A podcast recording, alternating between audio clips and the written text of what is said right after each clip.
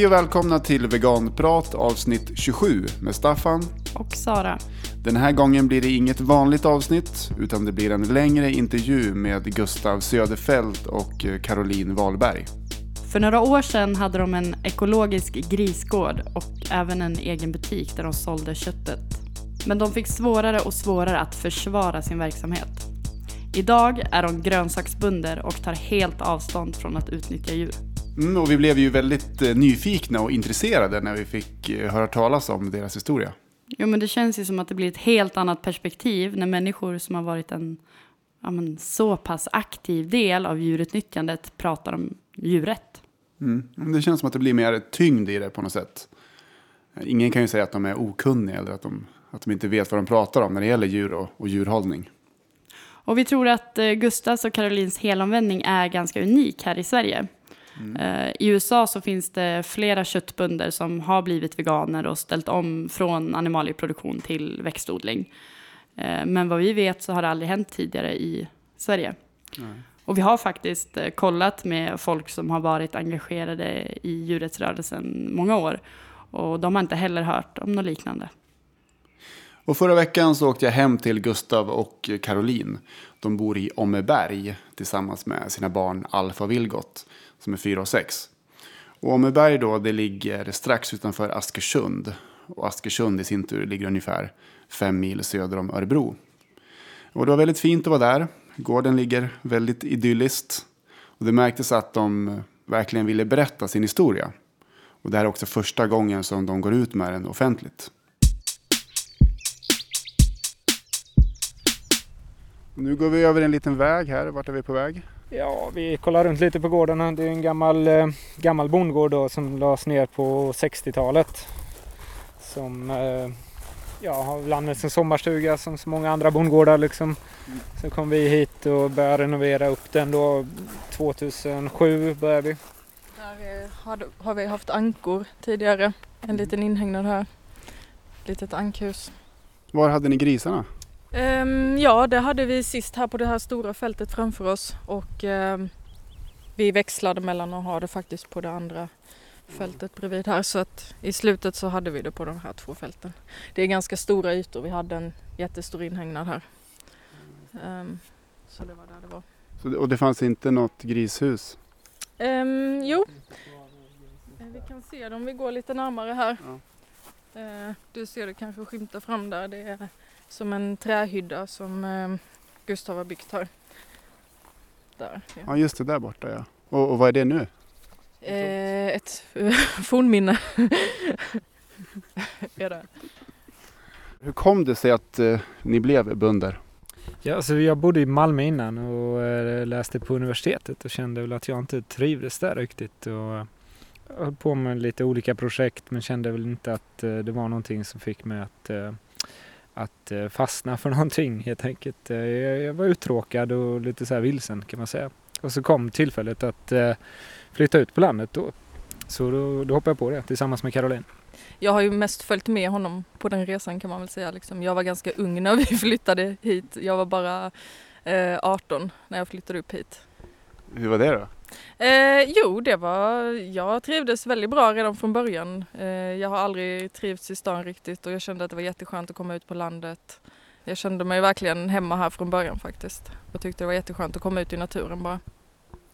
Och, och ganska tidigt hade ni bestämt er för att ha djur?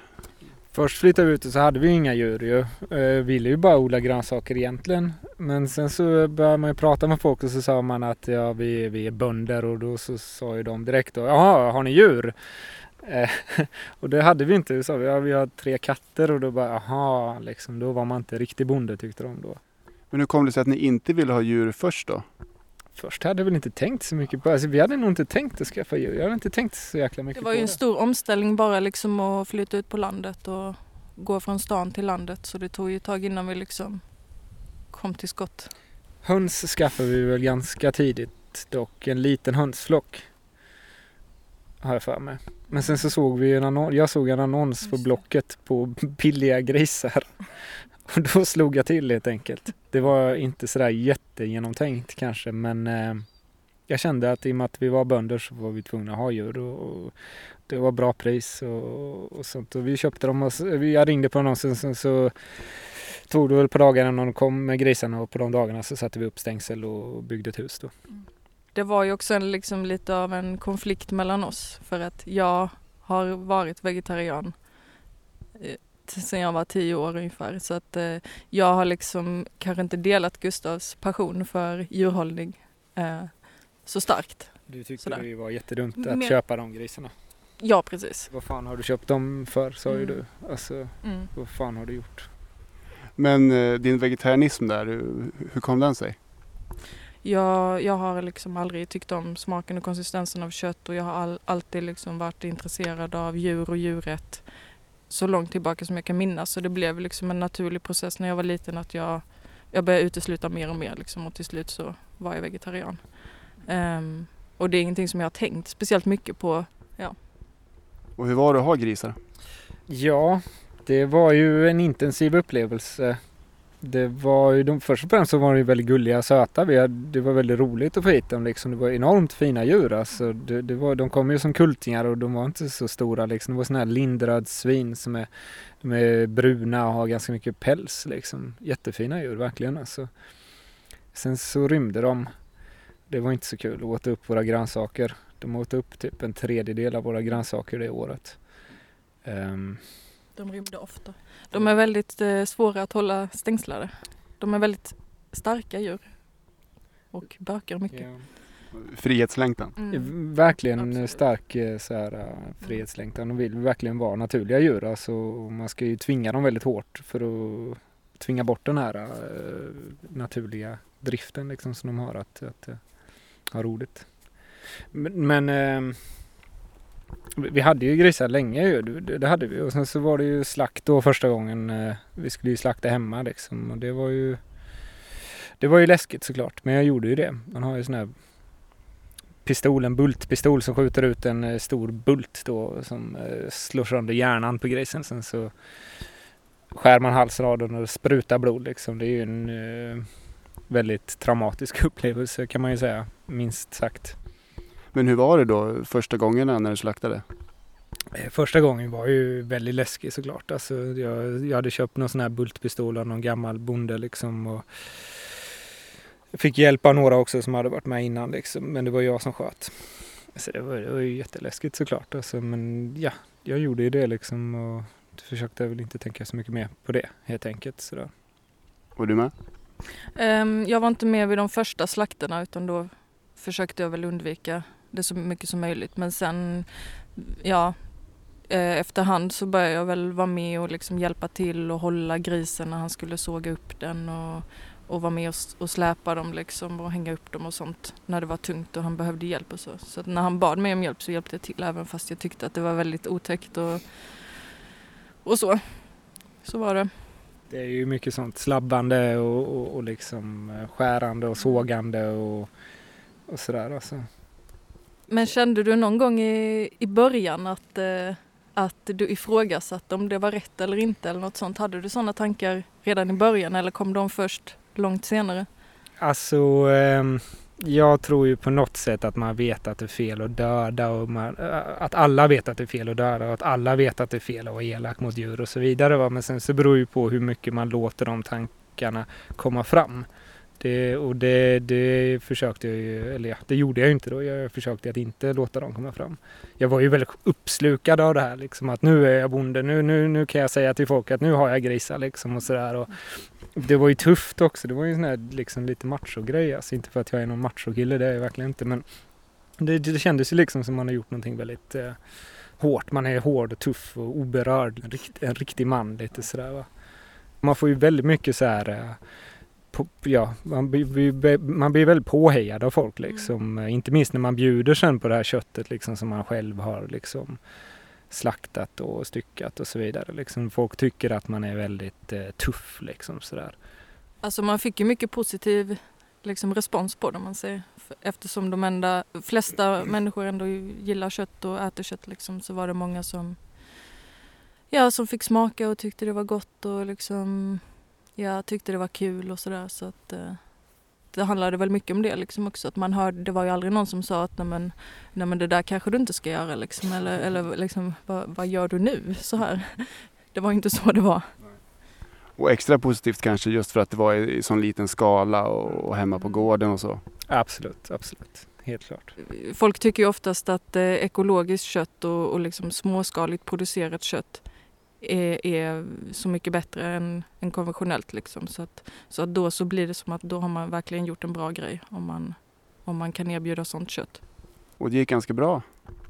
Det gick väl bra tyckte jag. Vi hade ju många grisar och den här liksom eh, uppmärksamheten omkring dem växte ju och vi liksom vi lärde ju känna fler och fler sådana här unga bönder eller sådana här utflyttare och alternativare liksom och där var ju köttnormen såklart eh, total. Alltså alla eh, hade ju djur eller höll på med djur eller liksom tyckte om att vi höll på med djur. Det var ju... Du åt ju mycket kött själv jag i alla åt fall. ju extremt mycket kött Mm. själv. Ohälsosamt mycket kött. Alltså Mm. ibland kunde jag må dåligt av att jag åt så mycket kött. Mm. Det var ju svårt. Man får ju inte sälja kött som du har slaktat själv. Det får man ju inte. Man får bara ge bort det till släkten typ. Får man inte, som företagare får man väl sälja eller? Du måste slaktas på eh, kontrollerat slakteri, alltså med hygienföreskrifter och så vidare. Alltså det är ganska mycket regler omkring det. Är det. Um, nej, men sen så började vi då liksom. Vi, vi kände väl att okej, okay, det, här- det här rullar ju ändå på liksom. Och vi har ju en potatisgård här i närheten som vi köpte överbliven potatis ifrån och där kunde vi få ganska billigt foder. Och, ja, som sagt, vi var osäkra som bönder och visste inte riktigt vad vi skulle satsa på. Och här fanns, en, här fanns någonting som vi fick väldigt mycket positiv respons för. Och då blev det ju så att vi, vi, vi satsade på det. Då var det framförallt jag som var drivande. Och då började vi också då skicka iväg grisarna till slakt på riktiga slakterier. Och då, ja, då får man ju tillbaka det i köttlådor eller vakuumförpackat och så vidare. Och då börjar vi sälja köttet till vanliga kunder liksom. Sen, eh, ja, sen, sen växte det ju då liksom och vi, vi fick väl lite sålt till en sån eh, lyxrestaurang i Stockholm liksom. Vi hamnade i någon kokbok som de gjorde liksom. Eh, eh, Och sådär. Det var ju, men det blev ju aldrig riktigt stort ju, för vi kände väl, jag kände väl hela tiden att det kanske inte var så himla kul och du var ju väldigt mycket emot det. Mm. Och det blev mer och mer alltså, känslomässigt jobbigt för mig liksom. Och, och också, ja, jag blev mer delaktig i det liksom och kände att, att, jag, att jag började må riktigt dåligt av att, av att ha med det att göra liksom. Så jag började väl försöka övertala Gustav till att han skulle lägga ner det.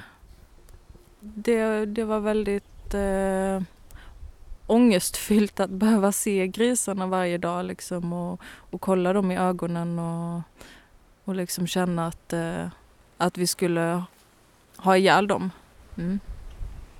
Ja, och jag, det blev ju mer och mer kommersiellt också. Det var, handlade ju inte längre om att hålla ett par grisar för liksom husbehov. Utan det blev ju någonting som vi skulle försöka tjäna pengar på. Och där började väl mina känslor väckas att eh, det inte riktigt var rätt. Eh, det var ju en lång process. Vi hade ju grisar i flera år, alltså många år. Fyra, Ja, fem år. Fem, sex va? Tror jag. Ja, Mm. kanske. Men fanns det någon vändpunkt för din del? Ja, alltså.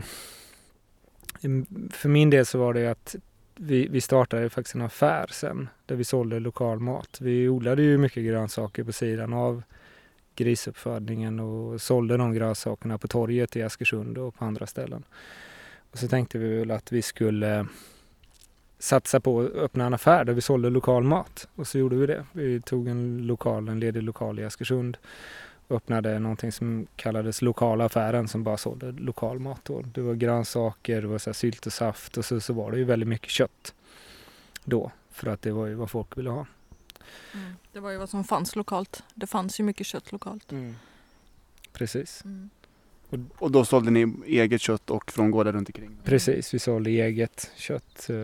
Eh, en, en del men, men kanske mest från andra gårdar liksom. Sådär.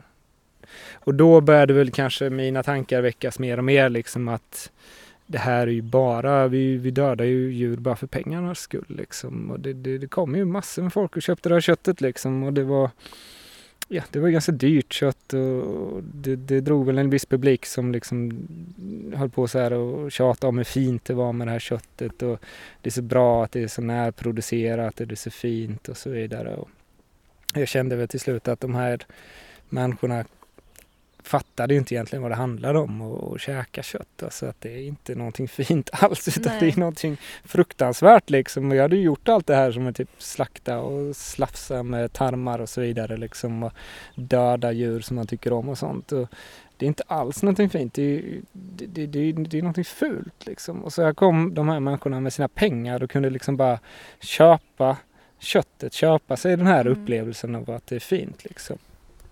Det är nästan som att sälja sådana här avlatsbrev då till.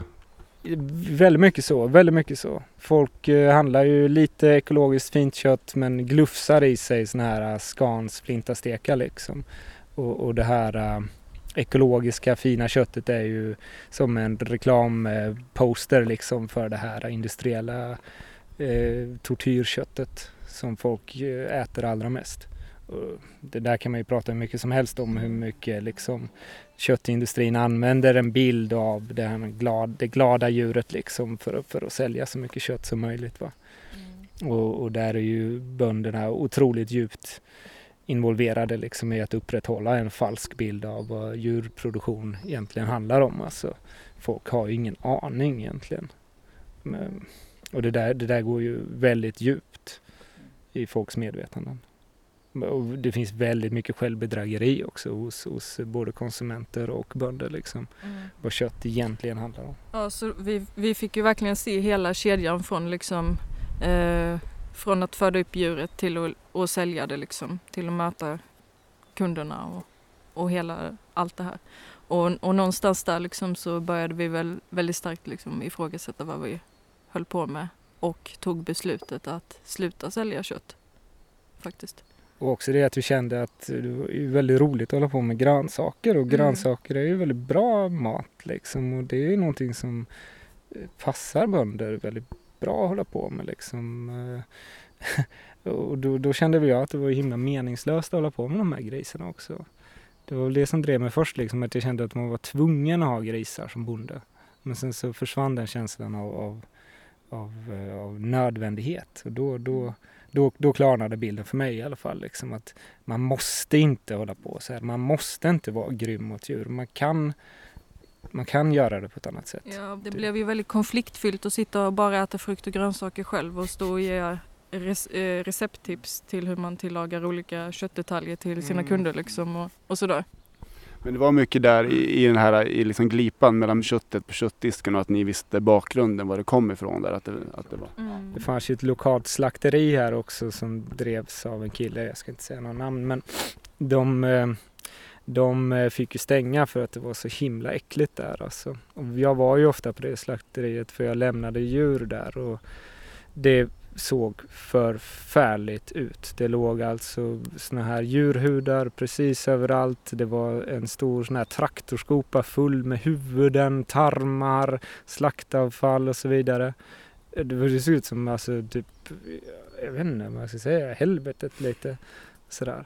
Samtidigt som jag var där så var den här killen med i Konsums medlemstidning och intervjuades för sina fina korvar liksom och han och hans fru framställdes som liksom, ja, det här typ fina bönderna som gör det fina köttet liksom sådär. Men det som hade hänt det var ju att han hade gått in helt, helt gått in i väggen liksom och slutat bry sig om eh, åt sin slakteri och slutat bry sig om sina djur också som var helt, eh, f- ja, de var, de svalt helt enkelt. Som du sa tidigare, det är också ett självbedrägeri från konsumenternas sida. Vi vill läsa de där artiklarna. Absolut, precis. Man vill, om man vill bedra sig själv. Man vill ha en ursäkt till att fortsätta konsumera kött, tror jag. Men vad hände för din del sen? Du slutade äta kött. Vi slutade äta kött, vi avvecklade gris, eh, ja, de, få grisar som vi hade kvar då. Vi hade slaktat av de flesta grisar och sålt i affären och så hade vi några kvar som vi sålde till någon annan bonde här. Ehm, och eh, mina ögon öppnades för veganismen som, eh, som en väldigt sund och intelligent kosthållning. Eh, och jag blev mer och mer intresserad av det och fördjupade mig väldigt mycket i det ämnet liksom och läste på allt vad jag kunde och, och tittade mycket på Youtube också på sådana här veganer på Youtube och så vidare. Började liksom ta avstånd från eh, all form av kött och djur och så hade vi väldigt många kompisar då såklart som höll på med småskaligt lantbruk precis som vi. Och eh, det, blev, det började ju knaka i fogarna där liksom. Vi skulle ha någon förening där vi skulle liksom eh, gå ihop våra gårdar då och sälja produkter tillsammans. Men det började ju balla ur det samarbetet då i och med att Caroline och jag var numera övertygade veganer då. ja, det gjorde det. Sen så, ja, det, sen blev det ju bara värre efter det. Mm. Det blev ju konflikt, alltså det blev jättemycket konflikt mellan oss och alla våra kompisar helt enkelt som också var unga lantbrukare. Eh, sådär. Och det, vi blev ju utsatta för väldigt mycket hat och kritik och smutskastning och så vidare. Du, ja, i princip alla våra kompisar som vi hade vände oss ryggen kan man säga.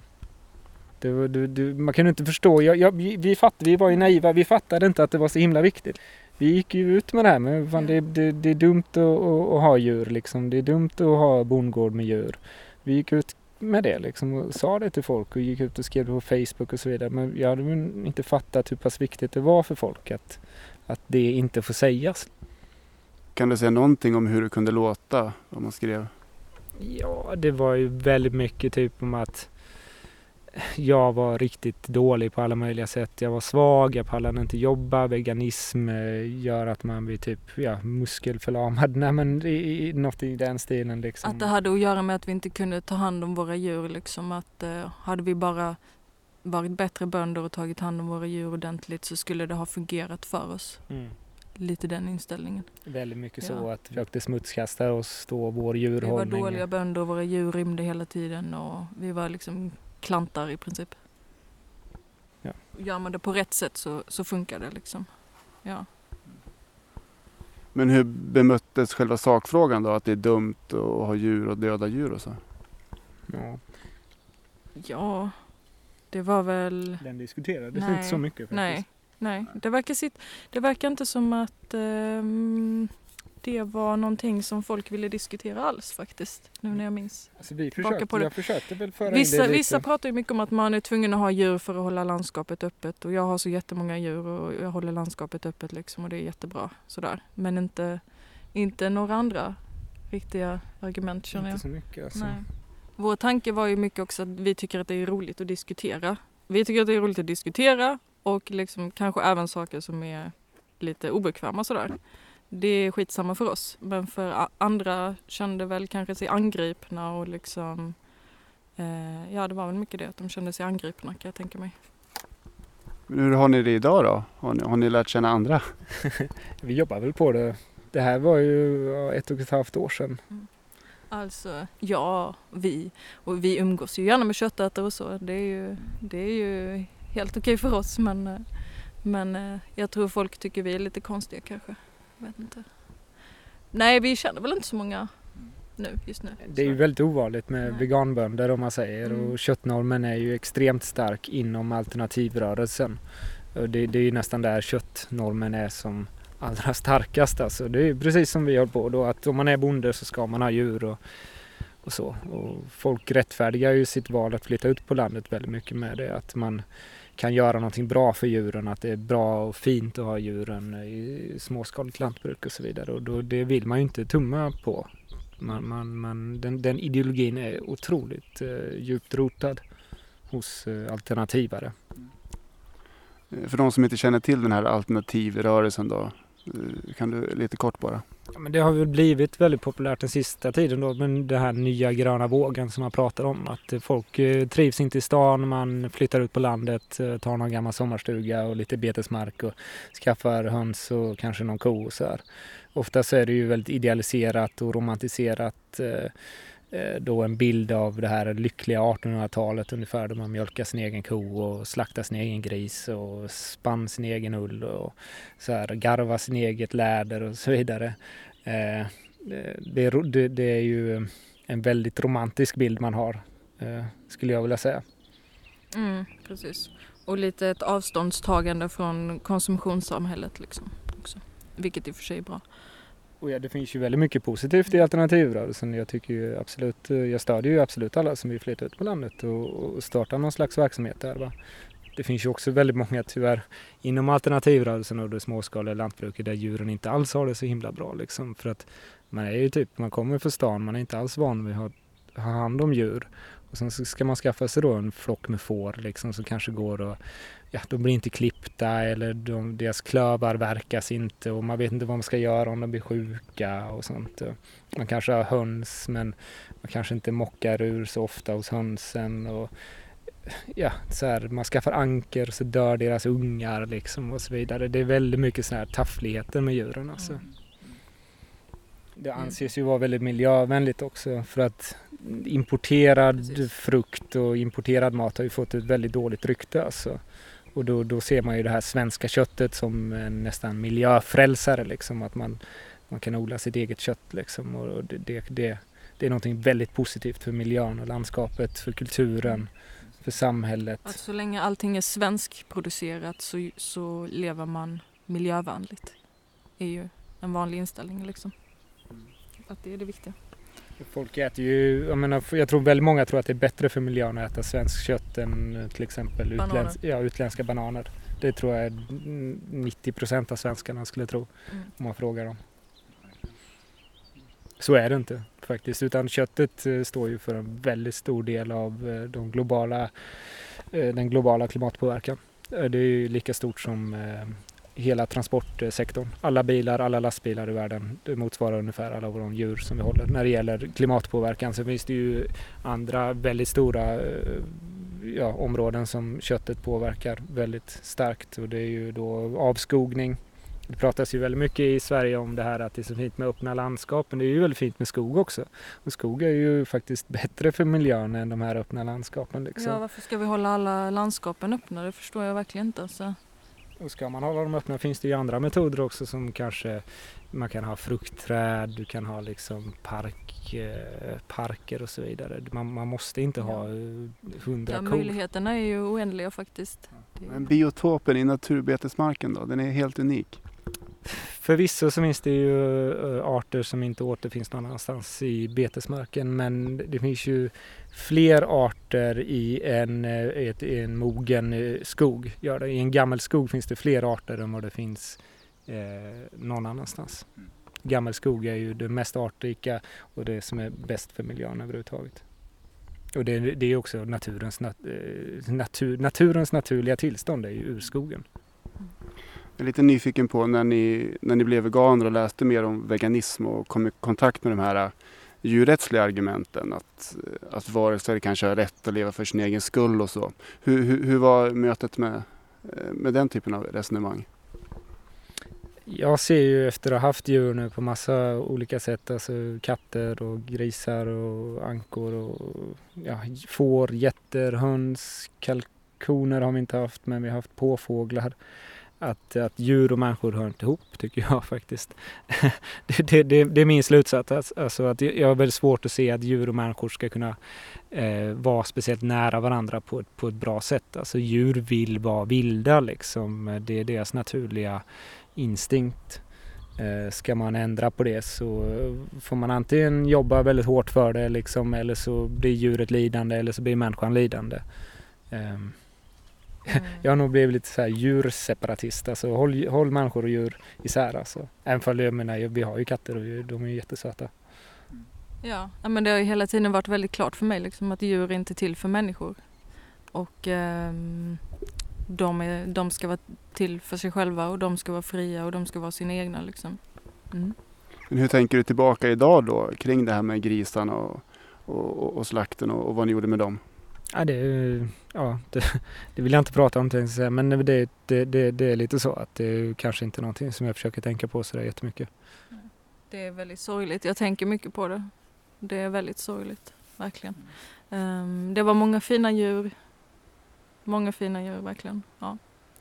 Det är inte så mycket åt saker nu, men uh, man kan ju vara glad att man ändrade sig i alla fall. Så att fler slapp lida i onödan.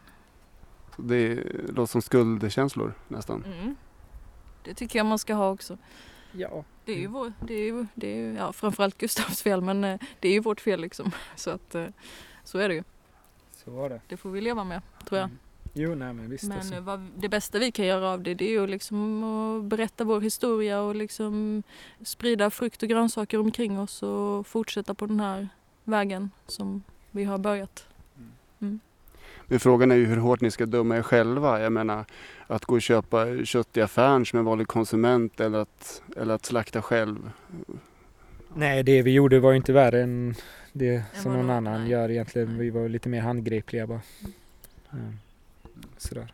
Sen så kan man väl, vi har ju starkare minnen av liksom de här djuren som, Vi eh, har ju mött individerna liksom. ja, precis, som individ. Så att det, det, kändes, det blir mer känslomässigt för oss såklart än vad, Precis. det hade blivit om man bara gått till ICA. Mm. Det är inte alls speciellt känslomässigt att köpa ett paket kött på Ica tror jag. Aj, aj.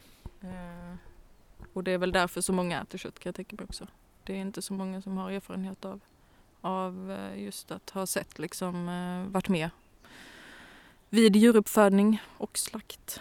Och även faktiskt måste man ju betona det här med mjölk och äggproduktion som, som um, många inte tänker på alls. Liksom att ha, många har ju en väldigt romantisk bild av kon. Kon går på ängen och gör Bregott liksom. Men, eh, men att det kanske i själva verket inte ser ut så riktigt. Jag har varit, jag har praktiserat på mjölkgårdar och jag vet hur det ser ut där liksom. Och jag vet att, att det ser inte ut så. så att, eh, Även på de, även på de liksom fina, de som anses vara Mm. fina jag mjölkgårdar. har varit liksom, på så- ekologiska biodynamiska mjölkgårdar. Eh, där korna har stått uppbundna större delen av tiden och kor och kalvar skiljs åt och det, det, liksom, det finns ingen glädje på ett sånt ställe för någon. Och det, ja, jag tror att många människor tror att, att det, det finns det kanske. Jag vet inte. Mm. Det är väldigt ledsamt och det är väldigt ledsamt bara. Ja, det är väldigt ledsamt.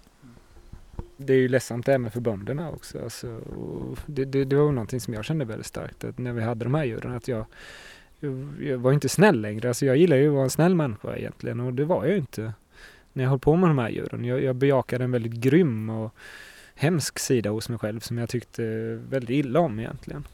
Och så är det ju när man håller på med kött och djur då som framförallt som bonde då är man ju väldigt direkt grym och elak. Det, det tycker jag inte människor ska vara. Det finns ju väldigt mycket runt köttproduktion också om man ska prata om det liksom som är förfärligt liksom det här med till exempel om något djur blir skadat och eh, så kan det ju lida något enormt liksom innan man har tid att hjälpa det och hjälpen består ju oftast av avlivning. eh, Det finns ju mycket det här med höns och så vidare på små, i småskalig hönsproduktion liksom att hönsen får massor med sjukdomar. Så det räcker ju med att gå in på den här alternativ.nu forum där och, och läsa lite trådar om djurhållning så är det ju eh, man blir ju mörkrädd alltså hur mycket sjukdomar som, Mm. som djur i fångenskap dras med. Alltså, de Mm. mår inte bra. Nej, någonting som jag har tänkt mycket på det är ju um, om man säger det moderliga lidandet. När, uh, när grisen har fått sina kultingar liksom och de, och de springer omkring där och har sin mamma där liksom och är en fin liten familj. Um, att uh, man då ska skilja uh, familjen åt och, och slakta de här kultingarna. Det, det är väl just kanske det här känslomässiga lidandet för, för, för em, mamman och barnet, liksom för, för familjen som jag känner också, jag har tänkt mycket på. Och det är också väldigt tydligt inom, inom mjölkproduktion när man skiljer kalvar från, från mammor och tro att de känslorna är så pass annorlunda från mänskliga band mellan alltså mor och barn. Em, det känns ganska naivt liksom ändå att tro att de känslorna inte finns hos djuren. Och det blev ju väldigt klart för mig när jag blev gravid och fick barn liksom, och jag gick igenom det här väldigt mycket själv. Och då se någon annan få barn och sen eh, bli utnyttjade och, och liksom dödade och så vidare. Liksom. Det, det kändes ju fruktansvärt verkligen. Ja. Hur reagerade grisarna på det då? Ja, hur reagerade de Gustav när du gick in och tog eh, Ja, just kultingar? det. Ja, en gång så gick jag in och så skulle jag ta upp en kulting. Då blev jag ju attackerad av suggan och hon slängde mig till marken med ett enda slag och började i princip tugga på mig. Jag fick eh, väldigt stora skador faktiskt. Eh, avvärjningsskador då liksom. Innan jag eh, då eh, lyckades ta mig upp från, från marken och kräla mig ut där ifrån med helt sönderrivna kläder, spruta blod och eh, var allmänt Så det- mörbultad. Det säger ju ganska mycket om hur stark modersinstinkten är. Men sen kanske man inte såg det så mycket på när man tog kultingarna, när du körde iväg dem till slakteriet. Det var kanske inte någonting man, man såg så mycket på dem då. Att, men man kan ju tänka sig ungefär. Ja, det, ju, ju, precis. Det är svårt att säga vad som pågår inom grisen, liksom. det är jättesvårt. Men när ni tänker tillbaka på hur era grisar, deras beteenden. Nu hade ni liksom en helt annorlunda i, i djur, än i djurfabrikerna. Men, men kan ni i backspegeln se att de betedde sig märkligt eller, eller på något sätt? Så ofta var de ju glada på sommaren så var det ju väldigt kul för dem liksom och de bökade omkring sådär och de låg och vila liksom och eh, ja, det var ju mycket folk som kom och tittade på dem och gav Mm. dem så här äpplen och vad det nu var liksom gamla matrester. Jo, jag har ändå bilden av att de hade det ganska bra på somrarna. Och att de trivdes ganska bra. Hyfsat liksom. Jo. Svårt att säga hur de upplevde vintern. Men... Det var ju tråkigare på vintern Ja. såklart liksom. Och, och det var väl det jag kände att liksom den här fångenskapen är ju oavsett om man har dem liksom på ett bra sätt så är det ju inte kul att vara, vara i fångenskap alltså. Det, det, det känner man ju väldigt starkt liksom. Det här med elstängslet som de ideligen gick på så man hör de här grisskriken liksom och Mm. sådär. Ja, de försökte ta sig ut trots att det gjorde ont. Ja, ganska ofta så var det väl så. Till slut så ger de ju upp såklart. Ehm, De rymde ju som sagt ganska ofta. Så ofta de kunde så rymde de ju liksom. Då- då- Det tyckte de och då var de ju verkligen annorlunda djur liksom. Då, Mm, precis. då var de ju Då väldigt var de glada. ju sina finaste jag. ja. Verkligen. De rymde ju ner här till byn och, och ehm, gick flera hund, alltså hur, lång- hur långt är det dit ner? ja, Det är det, ju kan ju vara kilometer. Ja. precis två kilometer. Ja. Så fick vi försöka driva tillbaka dem och så här, men de var jätteglada och, och hoppade och skuttade omkring och bökade upp massa människors gräsmattor på vägen och sådär. Då var de verkligen glada liksom. Då var de jätteglada. Och den typen av glädje liksom kan man kanske inte se så ofta i fångenskap. Alltså. För de är ju väldigt undersökande djur.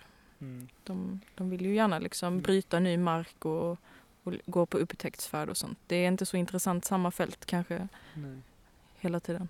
De, så blir de ju, det, de blir ju ganska snabbt resignerade, alltså de inser ju att eh, de kommer inte därifrån, de är inspärrade, människan har total kontroll över dem. Och ja, det är inte någonting de kan göra åt det. Det är väl lite som en människa som sitter i fängelse, han resignerar ju också väldigt mycket. Det, det är väldigt likt liksom. Ja, precis. Och det, där kände jag mig också väldigt mycket som eh, ja, en jävla få, fångvaktare liksom. Alltså, jag som tycker illa om det här med fängelser och sånt för människor, det tycker jag är fel sådär va. Alltså för, för många i alla fall. Men, men, eh, men så plötsligt så var jag fångvaktare för djur istället. Det kändes ju absurt liksom. Ni har ju verkligen svängt. Eller kanske framförallt du då som verkligen har svängt. Jo, nej men visst alltså. Sådär. Men jag var ju tvungen att prova på också. Jag är väl en sån som liksom, ja, jag vill prova saker och se vad jag själv tycker liksom. Och finna egna vägar. Alltså jag, på ett sätt så har det ju lett till någonting väldigt bra liksom. För nu är vi veganer, nu tror vi väldigt starkt, väldigt starkt på djuret. Vi har en väldigt bra bild av vad djurhållning innebär. Vi har liksom en unik vinkel på det hela som, som inte finns knappt alltså, hos någon annan. Det är väl få människor som håller på med det här på det här sättet. Liksom. Och vi har också blivit väldigt övertygade om ja, växtbaserad kost, om, om hur pass bra det är, inte bara för hälsan utan även för liksom, jordbruket och för miljön och liksom för djuren och för, för, för, för, även för lantbrukets framtid. Alltså att det finns en väldigt eh, stor potential i, i växtbaserad kost. Alltså. Mm. Det är ju någonting som man annars hör väldigt mycket från olika bönder att det är så himla viktigt att mjölkgårdarna får vara kvar och det är så bra med svenskt kött för det är liksom lönsamt för bönderna och så vidare. Men det där är ju bara bullshit egentligen. För djur är det minst effektiva sättet att producera mat på. Det råder ingen tvekan om det. Jag tror det är någonting så här att om du odlar bönor på ett hektar så får du 12 miljoner kalorier från ett hektar. Har du djur på ett hektar så får du 300 000 kalorier. Det är alltså en faktor av 40 som man kan öka produktiviteten per hektar. Och vi ska inte vara det minsta ledsna för att vi blir av med mjölkgårdar och köttbönder och, så vidare. För de står för någonting som är totalt omodernt och förlegat. Och inte minst inom det här med ekorörelsen så är ju köttet och djuren väldigt viktiga. Varför att om du ska odla ekologiskt så måste du ju odla, du, du måste gödsla med eh, djurgödsel. Man får inte använda konstgödsel. Mm. Och där ville vi ju frigöra oss lite från eh, det också. Så vi har börjat odla med konstgödsel. Har vi gjort. För att vi vill inte vara beroende av djur på något sätt. Men är ni helt ensamma om att ha ställt om till vegetabilskt jordbruk eller finns det en rörelse för det? Finns ju väldigt lite sånt. Ja, inte i Sverige i alla fall direkt. Alltså, nej, det finns det var väl någon debattartikel jag såg av någon som tyckte att man skulle strunta i djuren också. Det var någon grönsaksbonde någonstans. Men i England vet jag att det finns lite så här vegan farming och sånt. Lite experiment med det. Men det är någonting ganska perifert, absolut. Alltså.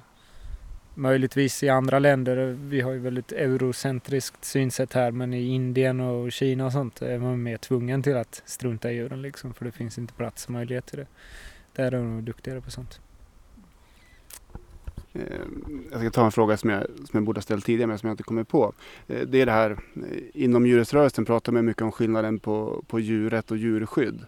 Mm. Och att en djurskyddstanke det är ju det här att, att det är okej okay att ha djur så länge man behandlar dem bra och så länge de, mm. ja, att det är optimalt. Men den djurrättsliga idén är mer att ja, det är fel att utnyttja och döda djur överhuvudtaget. Hur, hur har ni tänkt kring det där?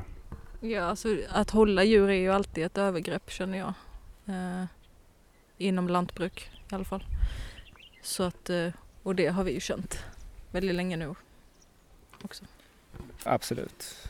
Och det förekommer ju också så mycket skit på vägen om man säger, även om du har en ekologisk jättegullig djurbesättning så menar om kon inte vill gå in i djurtransporten så får man ju tvinga det liksom. Mm. Och ja, du vet, man måste separera kon från kalven, man måste liksom acceptera att djur blir sjuka och mår dåligt och så vidare. Det, det, det blir aldrig bra riktigt hur man än gör faktiskt.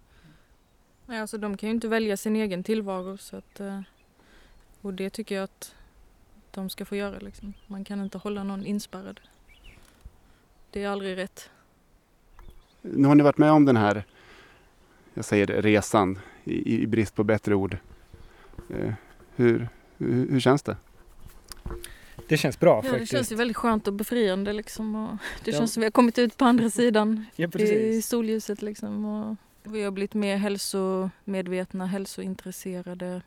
Ehm, vi mår mycket bättre. Mycket ja. bättre. Vi äter bra och mår bra. Mycket bra. Ja. Och, och förändringen känslomässigt mot att ha djur?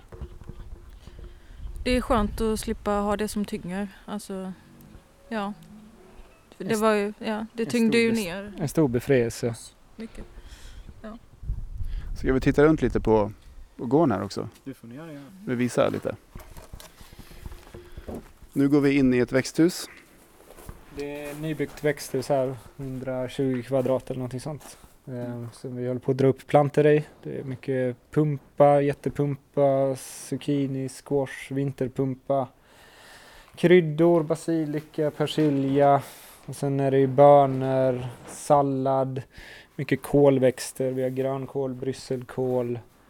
Eh, och så på fältet har vi ju spetskål, blomkål, broccoli. Mm. Dill, morot, lök. Um, tomater och chili och paprika. Tomater och chili och paprika kommer ju här också. Ja, precis. Så det blir eh, lite av allt kan man säga. Det finns jättemycket mm. roligt man kan mm. odla. vi går vidare och titta. Det är så, det är så litet allting nu liksom. Så mm. här är våra största kolplanter. Här har vi ju, ute på fältet har vi ju massa planterad kål. Nu ska vi ju, jag ska snart ut och när du har åkt där så ska jag harva upp det här fältet så ska vi så majs och eh, gurka. Mm. Det gör man i slutet av maj. Så att det blir färdigt till hösten. Mm. Om, om fem år, var är ni då tror ni? Ehm, jag tror att vi har byggt upp vår gård ytterligare och eh, odlar stora mängder grönsaker och kanske till och med har fått igång en liten fruktodling. Fortsätter torja i Örebro och Askersund och, och liksom fortsätta på den vägen vi är nu.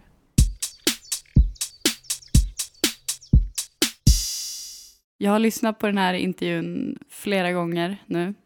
Eh, men jag känner mig lika mållös varenda gång slutet kommer. Um, Och det är en helt otrolig historia. Mm. Jag tycker det är så sjukt imponerande av Caroline och Gustav att, eh, att gå ut med den, att berätta. Mm. För eh, de lämnar ut sig själva eh, och allt vad de har gått igenom. Det är, ja, det är verkligen strångt. Och sen också att hur de berättar, de berättar ju så himla levande. Och att de beskriver så in i detalj och att de målar upp alla de här bilderna. Det känns verkligen som att man, man ser det framför sig. Mm. Man ser bilden på de här, de här grisarna som har rymt, som springer i frihet. Mm. När de är i sitt rätta element där. Nej, men eller hur. Och Suggan som gör allt vad hon kan för att få vara med sitt barn. Ja, eller Gustav som när han står där med bultpistolen första gången och är lite skakig men känner ändå att det här är någonting som måste göras.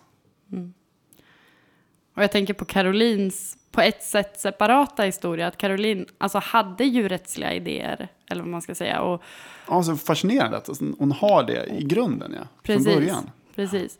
Ja, men frågade Gustav vad fan han höll på med liksom. Men sen när det var igång ändå, att hon på något sätt liksom ändå var en del av det, fast, fast jag tänker att fast hon inte ville så blev det ändå så här, jag vet normaliserade och hjälpte till för att, ja men ställa upp.